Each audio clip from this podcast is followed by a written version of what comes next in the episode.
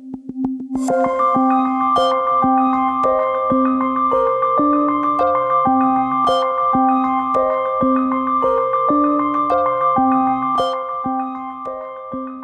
Velkommen til denne spesialutgaven av podkasten som skal handle om koronasmitten, og målet er å få litt informasjon.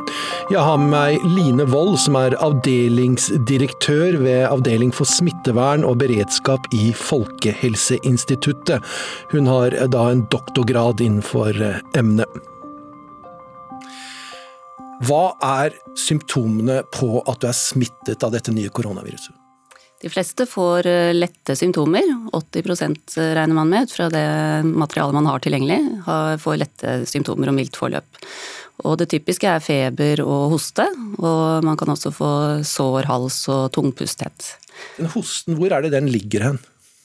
Nei, det, det, er fra luftveiene som er irritert, og så hoster man som en respons på det. Eh, det er eh, Eh, sånn at en del også da kan få lungebetennelse. Det er jo en forverring av tilstanden. Og, og i verste fall så kan man også få lungesvikt.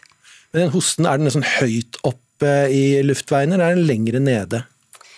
Viruset ser ut til å feste seg til noen reseptorer som sitter relativt langt nede i luftveiene. Men eh, vi er usikre på om de også kan feste seg til reseptorer lenger opp, siden det er såpass mange som får relativt milde symptomer. Er det en sånn våt hoste, eller er det sånn tørrhoste? Det er tørrhoste først og fremst, som oppgis. Ok, Så tørrhoste, feber, og så, så det, kan det være det. Og eh, hva med sånn snufsete nese og lignende? Ja, Vi er litt mer usikre på symptomforløpet når det er eh, veldig lette symptomer. For de som har veldig lette symptomer vil jo ikke gå til lege, men vi eh, regner med at en del også har helt lette symptomer som kan forveksles med forkjølelse. Jeg har lest at bare 5 eh, får sånn rennende nese. Eh, mm. Er det noe du kan stå inne for, eller er det noe som er ukjent nå? Nei, altså, sånn generelt så må vi jo si at det er store usikkerheter her. fordi at eh, selv om vi har rapportert nå ganske mange som er syke på verdensbasis, så har man ikke fått gjort opp disse tallene grundig. Og vi har ulik mengde data fra ulike land, sånn at det er mye som er ukjent. Så det er vanskelig å si noe sånn med sikkerhet rundt disse prosenttallene også. Så men det store bildet er jo at de fleste får milde symptomer. Og, og, kanskje en del ikke får symptomer i det hele tatt også, at de er asymptomatiske som vi kaller det. Og det gjør jo at, at epidemien kan bre seg uten at man merker det. Fordi at mange da ikke vil oppsøke lege fordi de ikke er så syke at de trenger legehjelp. Men Line, hvordan kan jeg være sikker på at jeg bare er forkjølt og ikke har fått i meg dette viruset? Ja, det, det, kan du nok ikke være sikker på uten at du tar en test. Og så er det sånn at eh, de som vi ønsker å teste, det er jo de vi regner som er de som er mest sannsynlig at har vært eksponert reelt for smitte. Sånn at det som vi kaller testkriterier nå, det er eh, de som man vet har vært nære kontakter til noen som har fått påvist koronavirussykdom, og de som har oppholdt seg i områder hvor det er utbredt smitte.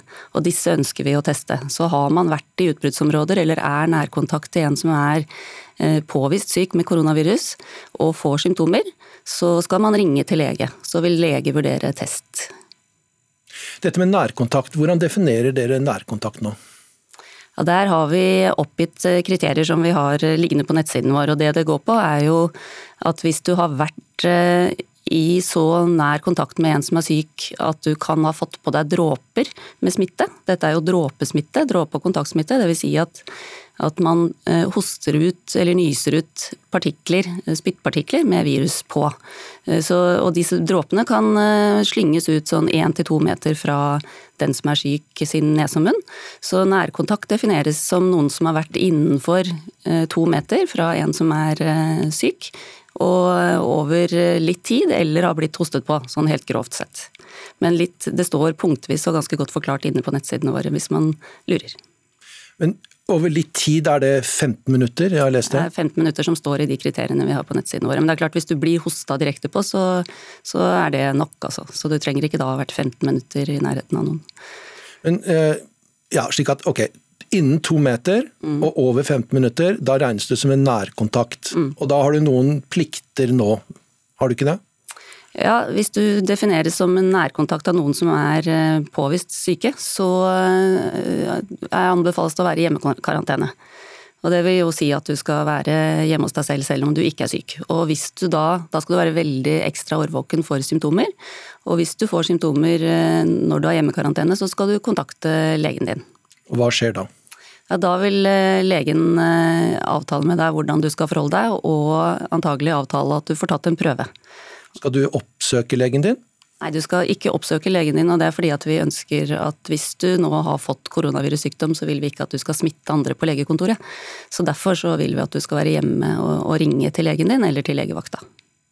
Ok, Så da kommer til det punktet hvor eh, du skal testes. Ja. Hvordan skjer det? Det kan skje på litt ulikt vis. Det er eh, sånn rent praktisk. altså fordi Noen steder så har man gjort det sånn at det er noen som kjører ut og tar prøver. Og noen steder vil de kanskje at du skal komme til legevakta, men gå inn på et separat rom. Eh, så dette ordnes litt ulikt på forskjellige steder. Men det de gjør, er at de har en, eh, en pinne med en bomullsdott på som de putter opp i nesen din og bak i svelget. Så de får tatt en prøve ganske dypt langt bak, og så vil den analyseres på et laboratorium for å påvise virus. Så er det en stiv pinne eller en fleksibel pinne? Den er, eh, noen syns den er litt ubehagelig å få langt opp i nesten. Men er den stiv, eller er den uh... Jeg vet ikke akkurat hvor stiv den er, men uh, den er i hvert fall rapportert å være Noen syns det er litt ubehagelig. Det skal omtrent sju centimeter inn? Ja, så det er et lite stykke inn. Så folk må være forberedt på at det kan være litt ubehagelig? Ja, men de fleste tåler det veldig greit, altså. Men, men noen syns det er litt ubehagelig. Kan ikke ta den prøven på en annen måte? Mm, hva tenker du på da? Nei, Kan man avgi blodprøve, kan du hoste på noe, ja, kan du nei. ta en pinne i munnen? Eller? Ja. Nei, eh, man skal ta det på denne måten, er den som vi eh, har lagt opp til. Og vi har så, lagt, eh, så langt ikke lagt opp til sånne zero-undersøkelser, altså at man tar blodprøver og undersøker for antistoff. Men det vi også har beskrevet er at man kan ta prøven selv. Eh, det er, noen tenker at de klarer det, og noen vil jo synes at det er vanskelig. Men det er et regime for det også, som det er lagt ut en beskrivelse av på nettsiden. Hvor lang tid må du vente etter å ha putta den pinnen i nesen? Den prøven skal så sendes til et laboratorium, eller kjøres til et laboratorium, og så skal den analyseres der. Og selve det, den gjennomkjøringen tar jo ikke veldig lang tid, den tar noen timer. Ehm, så skal den jo noen som jobber på laboratoriet sikre at alt har foregått på rett vis, og at man kan stole på prøvesvaret, at det ikke har vært noen problemer underveis. Og så svares eh, prøven ut til legen din, og så vil han eller hun informere deg om prøvesvaret. Snakker vi om to timer, eller? Nei, ikke, det går ikke så fort, fordi at man skal jo først få prøven til laboratoriet, og noen skal analysere den osv. Så, videre, så jeg vet ikke hva snittet på prøveutsvaring er i Norge, men jeg vil jo en dag eller to i hvert fall, vil det nok ta. Kanskje lengre tid. Litt det... avhengig av hvor du er i landet. Ok, slik at Hvis man bor i Oslo sentrale østlandsområdet, så kan det gå fortere, for det er nærmere laboratoriet? Kanskje kortere transporttid. Jeg har ikke gode tall på hvor lang tid det tar eksakt, altså. Men eh, det viktige er i hvert fall at du må holde deg innendørs og være isolert til du får vite hva prøvesvaret er. Og kan den bomme? Disse testene er eh, gode, men man er aldri 100% sikker med tester. Men de er gode tester som vi kan stole på.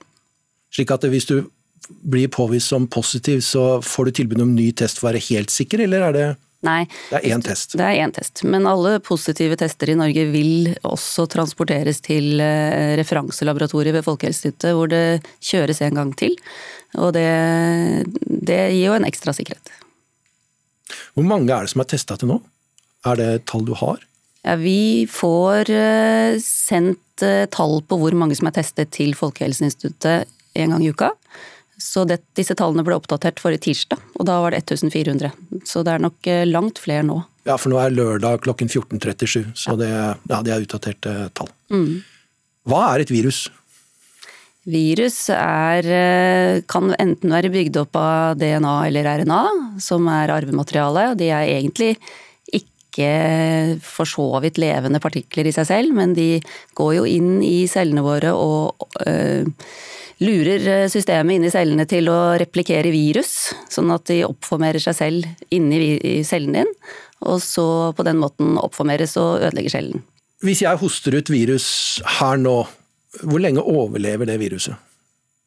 Det er litt ulikt fra virus til virus, men nå snakker vi spesifikt om det koronaviruset, antar jeg. Eh, og overlev... Altså det vil variere både med hva slags overflate viruset havner på, hva slags temperatur det er, hvor fuktig det er osv. Men på glatte overflater og hvor det er relativt kjølig og fuktig, så kan det overleve en stund. Det har vært rapportert om opptil ni dager. Med dette viruset? Med dette viruset. Men uh, vi vet ikke om det betyr at det er i stand til å smitte over til mennesker etterpå. Men det er i stand til å bli reprodusert. Hvis ja. du dyrker det, så kan det bli flere virus av det ja. etter så mange dager. Under uh, gode forhold for Nesten viruset. Nesten optimale forhold. Ja. Hva med hvis det havner i hår? Nei, hvis det havner i, på tøy eller papir eller eh, sånne mer ruglete flater, så overlever det mye kortere. Hvorfor det? fordi det tørker ut. Sånn at det vil ikke være infektivt lenger og ikke kunne eh, smitte inn i celler og ødelegge de. Så altså, blir det talt blanke overflater, det er der de overlever best? Ja, glatte overflater er nok der de overlever best, kan det se ut som. Ja, men på hud, hår, klær, ikke så lenge. Men vet vi omtrent hvor lenge? På huden din? kort tid. Tror altså, vi skal si minutter? Det. Jeg kan ikke si eksakt akkurat hvor mange minutter eller sekunder, men i hvert fall kort tid. Og vi vet også at dette viruset er eh, ikke sånn veldig vanskelig å ha med å gjøre når det gjelder desinfeksjonsmidler. Sånn at, eh, og ikke når det gjelder såpe og vann heller. Så det med god håndhygiene med såpe og vann, og også håndsprit virker godt. Og rengjøringsmidler med klor i virker også godt mot viruset. Ja, la oss ta, det, ta dette. Altså, du skal vaske hendene Mm. Det er det beste tiltaket, sier dere. Hvorfor det? Det er fordi at eh, dette viruset smitter både som dråpesmitte og som kontaktsmitte, fordi man kan få virus på hendene, og så har vi jo en tendens til å ta oss til øyne og munn, og så kan det da overføres på slimhinner og gi sykdom. Så det er viktig med god håndhygiene. Men hvis du ikke tar direkte på øynene dine, eller inn i nesen din, eller inn i munnen din, og du har virus på hendene, hvordan kan det greie å komme seg videre inn mot deg da? Nei, Du må få det på slim. Det smitter ikke gjennom intakt hud. sånn at det er fordi vi driver og tar oss i uh, hår og Nei, ikke hår, men i øyne og, munn og sånn. At, uh, at, vi blir smittet via hender, f.eks. Jeg tar jo meg ikke på øyet. Du tar deg nok opp til øyet, og vi tar oss opp til munnen, mange av oss, og opp til nesa. Så vi gjør det ubevisst, mange av oss, en god del. Litt sånn som vi ikke er sånn klar over, tror jeg, i hverdagen. Men hvordan kommer viruset fra kinnet mitt, hvis jeg klør der, og inn i munnen min? Nei, Det kommer ikke fra kinnet ditt, du, så du må ta liksom rundt ja, Hvis jeg tar på meg, tar på kinnet ja, Eller altså, på leppene for eksempel, eller du tar deg ja. sånn i nesen. Eller, så er det fordi du slikker deg etterpå langt nå, så, ja, så kan du få det. Det er ikke sånn at viruset får bein og begynner å bevege seg inn mot munnen Hopper eller øynene? ikke rundt, nei, nei gjør ikke det. Men, men, men, vi vet veldig godt at ved håndkontakt så er det en, absolutt en smittevei. Vi vet at via hendene dine så kan eh, du få virus på deg som du så overfører til eh, egne slimhinner. Eller andres. Og det er ikke bare gjennom spising at du spiser ikke en bare gjennom spising. Det er også ved at du tar opp i øyne-, nese-, munnregionen. Så et veldig godt tiltak det, nå, det er å ikke ta deg i ansiktet? Ja, altså nå er det jo sånn at uh, per nå så er jo vår vurdering at vi ikke tror det er utbredt smitte i det norske samfunnet. Vi kan ikke være sikre på Vi tror det er noe som er underrapportert, det er sannsynlig. Men, men vi tror ikke det er uh, utbredt smitte foreløpig. Men det er jo en utvikling i dette utbruddet som gjør at vi, uh, vi ønsker å være oppmerksomme og er veldig opptatt av å stoppe smitte mellom mennesker. Eh, det betyr at eh, vi er opptatt av at folk har god håndhygiene, og at de som er syke som hoster eller nyser, har gode hoste- og nysevaner. At de gjør det enten i et papirlommetørkle som de så kaster og så vasker hendene, eller at de gjør det i albuen. Ofte så har man jo ikke papirlommetørklær med seg. Eh, og det er effektive tiltak som vil virke gjennom hele denne epidemien. Så det er viktig å ha med seg, og det er en liten solidaritetsøvelse. At vi alle husker på det. De fleste blir jo ikke alvorlig syke av dette, men de som er i de sårbare gruppene, de vil kunne bli alvorlig syke. La oss da snakke om de sårbare gruppene. Hvem er det? Det er en relativt eh, stor gruppe i Norge, fordi vi eh, regner jo inn i den gruppen alle eldre. Og der setter vi Eh, grensen på 65 år, så alle over 65 år regnes å være i risikogruppen. Eh, det betyr ikke at det er et sånn skarpt skille fra 64 til 65 år, selvfølgelig, men med økende alder så er det en økende risiko for alvorlig sykdom. Hva med de som er overvektige? Ja, det er eh, Altså, til det her er det fortsatt mye ukjent. Hvem er egentlig risikogruppen, og hvem er det liksom, verst for? Altså hvem er hvem er, har høyest risiko for alvorlig sykdom, det vet vi ikke så mye om. Men vi vet at at gruppen er ganske overlappende med de som er utsatt for alvorlig utvikling av influensasykdom. Og vi vet at eh, hjerte- og karsykdom eh, er en risikofaktor, kreft er en risikofaktor, diabetes ser ut til å være en risikofaktor. Det er flere grupperinger som nevnes spesifikt eh, fra de studiene som er gjort i Kina. Men vi har ikke veldig gode tall på det. Men gruppa som sådan, da, altså hvis vi inkluderer alle eldre pluss de med hjerte-karsykdom og kreft og osv., og, og, og tar utgangspunkt i det som er risikogruppe for influensa også, så vil jo det utgjøre rundt 1,5 million mennesker, som er en betydelig gruppe størrelsesmessig i Norge. Hva skal du gjøre hvis du er i denne risikogruppen? Du skal følge våre råd om god håndhygiene og gode hostevaner osv. Og, så videre, og det å holde avstand til de som hoster og nyser kan også være en god idé. Eh, og så eh, tenker vi jo at man kanskje har ekstra grunn til å være eh, vurdere litt ekstra nøye om man vil ut og reise til områder hvor det er rapportert om sykdom, og om man vil gå på store arrangementer hvor det jo er Det er jo som regel andre typer sykdommer folk har nå i Norge hvis de hoster og nyser, men likevel så kan det kanskje fortjene en litt ekstravurdering hvis man er i en sårbar gruppe. Hva skal de andre som ikke er i den sårbare gruppen gjøre overfor de som er i den sårbare gruppen? Vi skal alle være flinke med de generelle hygienetiltakene for å hindre spredning i populasjonen, altså blant befolkningen i Norge. Og så kan man jo eh, tenke på å ta litt ekstra vare på de gamle i familien, kanskje. Og hvis det er sånn at de eh, holder seg hjemme fordi de er syke eller et eller annet, så kan man jo eh, forsikre seg om at de har det bra og sørge for at de får det de trenger. Hvis jeg er litt småsyk, men jeg tror jo selvfølgelig ikke det er koronasyke, men jeg skal besøke mamma, som er da i risikogruppen. Hvordan skal jeg forholde meg til henne hjemme da? Når jeg er hos henne?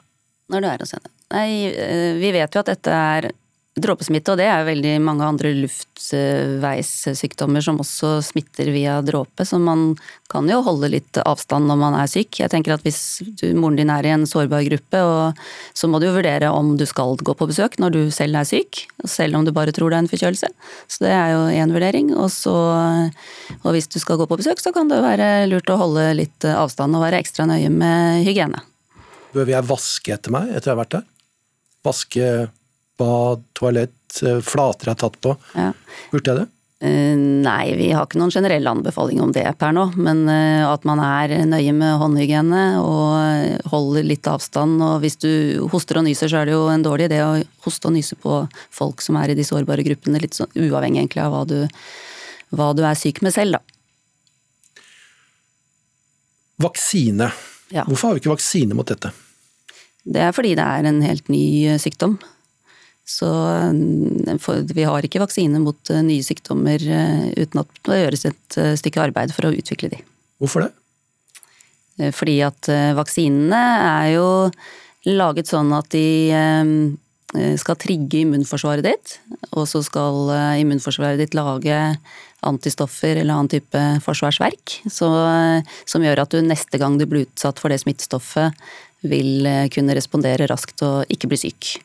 Og eh, når det gjelder koronavirus, så er jo det et eh, nytt Altså dette koronaviruset, det finnes jo flere varianter, men dette, dette koronaviruset er nytt, og vi har derfor ikke utviklet noen vaksine mot det ennå. Men vi altså selv om dette er nytt, så ligner det jo litt på sars- og MERS-viruset. Sånn at vi har noe grunnarbeid som er gjort for utvikling av vaksiner mot de sykdommene som man kan bruke videre i arbeidet med å utvikle vaksine. Men likevel så er det sånn at eh, det å utvikle vaksiner tar tid, og vi eh, har ikke sånn veldig, eh, dessverre, tro på at utvikling av vaksine her vil være det som gjør at vi slipper unna denne epidemien. Så vi må forberede oss på å håndtere dette uten vaksine, og så gjøres det parallelt en veldig god jobb med å utvikle vaksiner i flere miljøer, både internasjonalt og, og nasjonalt. Det blir sagt at det er opp mot 50 forskjellige vaksinekandidater under eh, testing på mm. forskjellige nivåer. Mm. For kan ikke bare ta den som ser ut som er best, og så bare produsere opp den og så gi til folka? Vi er jo opptatt av at de vaksinene som skal gis, de må være trygge. De må være effektive og trygge. Så de først, For det første så må vi jo sikre oss at de faktisk virker mot sykdommen. Og så for det andre så må vi forsikre oss om at, eh, at de er trygge å gi til folk. Men hvis jeg i løpet av et par uker finner ut at den vaksinen min den virker, og så vet jeg ikke hvor trygg den er, men den kan ikke være så veldig farlig. Hva er i veien med å produsere opp den og gi til to milliarder mennesker for å stoppe dem fra å bli syke? Hvis man blir eh, syk av vaksinen, så er jo det en dårlig idé. Så eh, du må først være trygg på at den vaksinen du gir er trygg. Hvis den er bare litt syk, men du stopper deg fra å bli veldig syk, mm. er ikke det noe du kan ta den kostnaden? Nei, Det er nok enighet internasjonalt om at man i vaksineutviklingsarbeidet for det første skal være sikker på at den både virker og at den er trygg. Hvorfor har dere ikke anbefalt folk å slutte å ta trikken og slutte å gå på jobb, og hvorfor vil dere ikke stenge skolene nå? Den type tiltak er jo inngripende tiltak som påvirker samfunnet vårt i, i stor grad, hvis man skal uh, iverksette uh, sånne uh, tiltak. Da. Og um, per nå, så altså dette er jo tiltak som kan være aktuelle, noen av de, når man eh, etter hvert som man kommer lenger ut i, i forløpet av en epidemi. Men per eh, nå så er det sånn at eh, vi ut fra de tallene vi har tilgjengelig, ikke tror at det er utbredt smitte i det norske samfunnet. Vi har jo funnet en del, avdekket en del smittede. De klarer vi å følge linken til ut av landet så har vi også iverksatt overvåkning eh, for koronavirus som eh, kjøres eh, i det systemet som er satt opp for influensa. Der har vi per nå ikke funnet noen som er syke.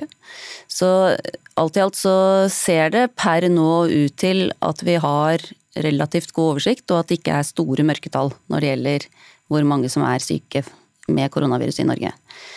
Eh, det betyr jo at hvis man iverksetter denne type tiltak som du skisserer nå, som er ment å skulle redusere kontakthyppigheten mellom mennesker, så er det vesentlig kontakt mellom eh, friske mennesker man da forhindrer. Eh, den type tiltak er mer effektive når man har mer smitte i samfunnet, for da er det smitte mellom syke og friske du forhindrer. Slik at Per nå så, eh, så, er ikke den type tiltak eh, like aktuelt som det er litt senere i forløpet. Og eh, det gjøres selvfølgelig fortløpende vurderinger av hvilke tiltak som skal iverksettes. Og vi vet jo at noen skoler har stengt for kortere tid allerede, f.eks. Og det kan jo være formålstjenlig å gjøre den type tiltak over en kortere periode nå for å få oversikt. Det er nok det som er gjort eh, stort sett, tror jeg, på, eh, som grunnen til det som har vært gjort av stenging så langt. Eh, men på sikt så kan det hende at denne type tiltak som reduserer kontakthyppighet i befolkningen, vil anbefales fra nasjonalt hold også. Men det vil være en løpende vurdering. Er dere sikre på at dette viruset kommer til å fortsette å spre seg? Det er vi eh, ganske sikre på. Altså det avhenger veldig av den internasjonale situasjonen. Og hvis du ser hvordan utviklingen er internasjonalt, så er det jo sånn at det er eh, stadig økende antall tilfeller meldt fra stadig flere land. Og det betyr at sannsynligheten for at vi får enda mer smitte inn i Norge også øker. Og det betyr at vi kan forvente en noe lignende utvikling også i Norge. Og vi eh, som jeg sa litt tidligere her også, så selv om vi har god oversikt over de tilfellene vi har meldt, så kan vi ikke utelukke at det også er noe smittespredning som vi ikke har avdekket. Og fordi at folk får så lette symptomer, så kan det jo være vanskelig å, å, å avdekke de fordi de da ikke går til lege og dermed ikke tas prøver, og så vil de ikke bli rapportert inn. Og I det verste scenarioet dere har, så er det hvor stor andel av befolkningen er det som blir smittet? Vi har ikke egentlig publisert noen eh, scenarioer eh, ennå. Vi har sagt at eh, helsetjenesten bør forberede seg på det som er et medium pandemiscenario som allerede ligger i de nasjonale planverkene. I det så ligger det at 25% blir smittet, at det er det man forbereder seg på. Hvor lang tid vil det ta? Ja, det Forhåpentligvis så klarer vi å hale ut dette utbruddet, at vi får det over ganske lang tid. Og det er jo et poeng i seg selv, fordi dersom man får veldig mange syke akkurat samtidig, så vil det bli en belastning på helsetjenesten. Og det er fordi at eh, hvis mange smittes noenlunde samtidig, så vil jo også mange bli alvorlig syke. Selv om andelen med alvorlig syke eh, ikke skulle være fryktelig høy, så vil det tallmessig bli mange bare fordi at så mange i utgangspunktet er dårlige, da. Og det vil jo bli en belastning på vårt helsevesen som vi ønsker å unngå. Så vi jobber jo for å å bryte smittekjeden. Vi ønsker å stoppe den fra de enkelttilfellene vi oppdager, og derfor gjøres det nitidig smittesporing rundt disse som vi oppdager. Og så ønsker vi å, å bremse hele kurven, at vi får den litt mer langstrakt over tid. At vi ikke får den der spisse toppen som, eh, som noen tegner som en epidemikurve. Da. At vi får en mer langstrakt variant. Så ikke sånn spiss eh, topp over tre uker, men dere tenker fem-seks måneder? Gjerne lang tid, ja. Lenger enn fem-seks måneder? Det, det, er umulig å si hvor lang man klarer å få den, men eh, Så lang som mulig. Så lang som mulig, fordi at det gir en mindre belastning på helsevesenet. Og på den måten så kan vi sikre at alle som blir syke får god behandling, og at helsetjenesten vår fortsetter å være velfungerende. Det er den. Vi har et godt helsesystem i utgangspunktet som, eh, som eh, er rigga for å kunne behandle pasienter med alvorlig sykdom. Du har lyttet til en spesialutgave av podkasten Krig og fred fra NRK Urix. Gjest i dag var Line Wold, avdelingsdirektør ved Folkehelseinstituttet. Programleder var Halvard Sandberg. Lydregi var Daniel Erlandsen.